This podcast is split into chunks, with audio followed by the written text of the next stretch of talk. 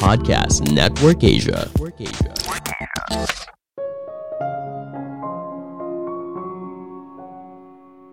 Tidak ada yang tahu sebuah ide akan berhasil atau tidak. Jangan mudah menyerah apabila ide kamu dianggap tidak akan berhasil. Halo semuanya, nama saya Michael. Selamat datang di podcast saya, Sikutu Buku. Kali ini saya akan bahas buku That Will Never Work karya Mark Randolph. Sebelum kita mulai, buat kalian yang mau support podcast ini agar terus berkarya, caranya gampang banget. Kalian cukup klik follow. Dukungan kalian membantu banget supaya kita bisa rutin posting dan bersama-sama belajar di podcast ini. Buku ini membahas bagaimana lahirnya sebuah ide yang brilian. Mungkin perlu kita sadari, tidak ada yang tahu sebuah ide itu akan berhasil atau tidak. Sebelum mendirikan Netflix, penulis punya berbagai ide bisnis yang ditolak Bahkan saat pertama kali merintis Netflix, istrinya sendiri saja tidak percaya dan bilang kalau bisnis itu tidak akan berjalan. Apabila kamu mengalami situasi ini, jangan menyerah. Ada sebuah kutipan yang menarik. Setiap orang yang pernah mandi pasti punya sebuah ide ketika berada di sana. Namun hanya orang yang keluar dari kamar mandi dan benar-benar mengerjakannya yang membuat sebuah perubahan. Saya merangkumnya menjadi tiga hal penting dari buku ini. Pertama, tidak ada yang tahu sebuah ide akan berhasil. Sebelum ide bisnis soal Netflix muncul, co-foundernya yang merupakan penulis buku ini punya puluhan ide bisnis. Mulai dari shampoo yang bisa dipersonalisasikan untuk setiap orang, hingga makanan anjing. Penulis selalu berusaha menjual idenya kepada Reed Hastings, seseorang yang di kemudian hari mendirikan Netflix bersama dengan dia. Namun saat itu, pekerjaan mereka berdua sedang berada di ujung tanduk karena perusahaan milik mereka akan diakuisisi oleh perusahaan lain. Pokoknya, mereka hanya ingin mendirikan sebuah bisnis yang baru, sebuah bisnis yang bisa bertumbuh secara cepat dan digunakan oleh banyak orang lagi dan lagi. Sebagai gambaran, di Silicon Valley pada akhir tahun 90-an, semuanya bergerak begitu cepat. Kesuksesan Jeff Bezos dengan Amazon memberikan harapan kepada para pengusaha lainnya – untuk sukses di era baru bukan soal hardware yang lebih hebat atau software yang lebih inovatif, tapi internet itu sendiri. Kamu bisa menggunakannya untuk menjual apa pun di internet, dan ini adalah dunia yang sama sekali baru. Hingga suatu hari, ketika penulis bercerita soal kegiatan nonton bareng dengan anak perempuannya sebelum tidur, membuat dia punya sebuah ide cemerlang, yaitu usaha sewa menyewa videotape via online.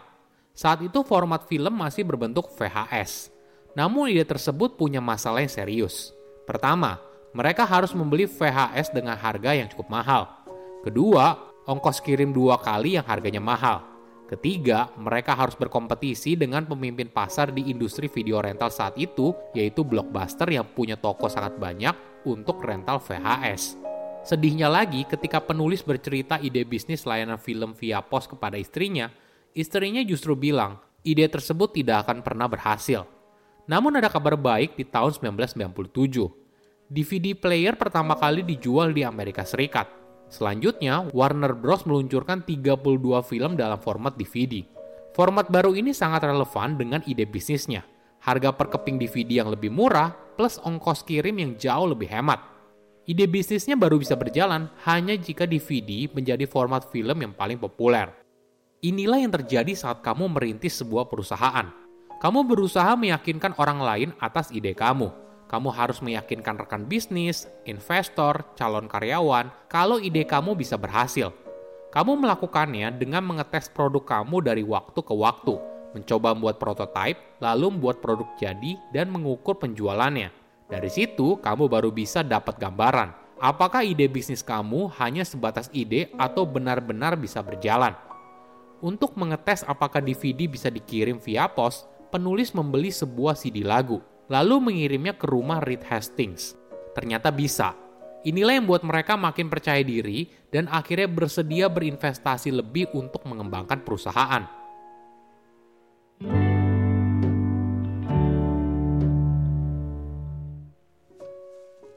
Kedua, inovasi lahir dari masalah. Dua bulan setelah Netflix diluncurkan, penjualannya meningkat tajam. Namun masalahnya, hanya satu persen pendapatan yang berasal dari sewa DVD online. Sisanya berasal dari penjualan DVD. Kenapa ini jadi masalah? Karena kekuatan Netflix bukan dari menjual DVD, tapi sewa DVD online.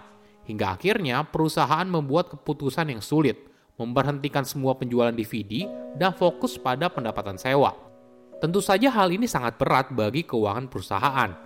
Ditambah lagi biaya sewa gudang karena ada ribuan DVD menumpuk yang menunggu disewa oleh konsumen. Masalah ini membuat tim di Netflix berpikir, gimana kalau DVD itu bukan disimpan di gudang Netflix, tapi di rumah konsumen? Inilah yang membuat Netflix memperkenalkan sistem langganan bulanan.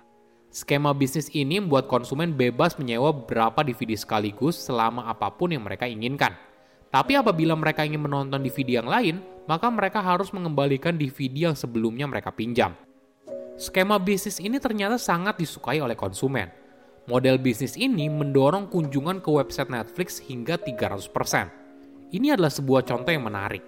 Tidak ada yang tahu sebuah ide bisnis atau sebuah inovasi akan berhasil atau tidak.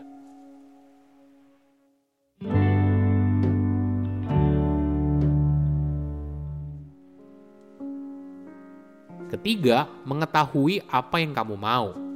Setelah 18 bulan menjalankan Netflix, Reed Hastings berbicara kepada penulis kalau dia mulai kehilangan kepercayaan atas kemampuan penulis dalam menjalankan perusahaan sebagai CEO. Reed memberikan saran atau lebih tepatnya memberikan ultimatum agar dia yang jadi CEO dan penulis menjadi presiden. Kejadian ini awalnya membuat penulis shock. Kejujuran itu bagus hingga akhirnya hal itu ditujukan kepada kamu. Penulis lalu mulai melihat ke dalam dirinya, apa kekuatan dan juga kelemahannya tujuan dan motivasinya bekerja, dan pada akhirnya dia harus melihat dari sudut pandang yang lebih luas apa yang terbaik bagi perusahaan. Saat itu, penulis sadar kalau ada dua mimpi dan dia harus mengorbankan salah satunya agar mimpi yang lain bisa terwujud. Netflix adalah mimpi pertamanya, sedangkan dirinya menjadi CEO adalah mimpi keduanya. Jika penulis ingin Netflix sukses, maka dia harus jujur dan menyadari keterbatasannya dia harus mengakui kalau keahliannya adalah sebagai builder atau pembangun, menciptakan sebuah budaya perusahaan, meluncurkan sebuah ide awal, hingga akhirnya bisa diterima oleh pasar. Namun saat itu, Netflix sudah berada dalam tahap bisnis yang berbeda.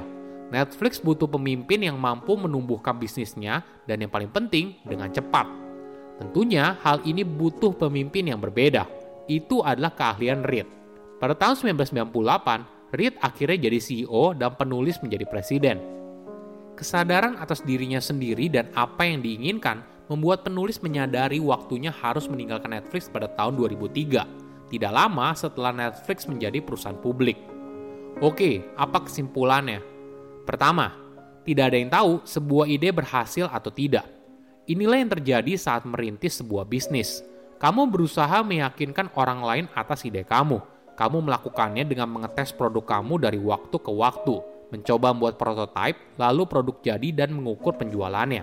Dari situ, kamu baru bisa dapat gambaran apakah ide bisnis kamu hanya sebatas ide atau benar-benar bisa berjalan. Kedua, mengubah masalah jadi inovasi. Saat Netflix memutuskan untuk menghentikan bisnis penjualan DVD dan fokus pada penyewaan DVD online, maka muncul masalah baru. Stok DVD yang menumpuk di gudang Masalah ini ternyata mendorong mereka untuk menciptakan model bisnis yang baru, yaitu langganan bulanan. Konsumen bebas meminjam beberapa DVD sekaligus tanpa batas waktu selama mereka membayar biaya langganan. Inilah yang membuat stok DVD tidak lagi menumpuk di gudang, tapi di rumah konsumen. Ketiga, sadar atas kemampuan diri. Setiap fase perusahaan membutuhkan pemimpin yang berbeda. Di tahap awal, penulis merupakan CEO yang tepat bagi Netflix. Dia punya keahlian merintis sebuah bisnis dari nol, menciptakan produk, membuat sistem, dan sebagainya. Namun ketika Netflix tumbuh semakin besar, butuh CEO tipe lain yang bisa membawa Netflix ke tingkat yang lebih tinggi. Saya undur diri, jangan lupa follow podcast Sikutu Buku. Bye-bye.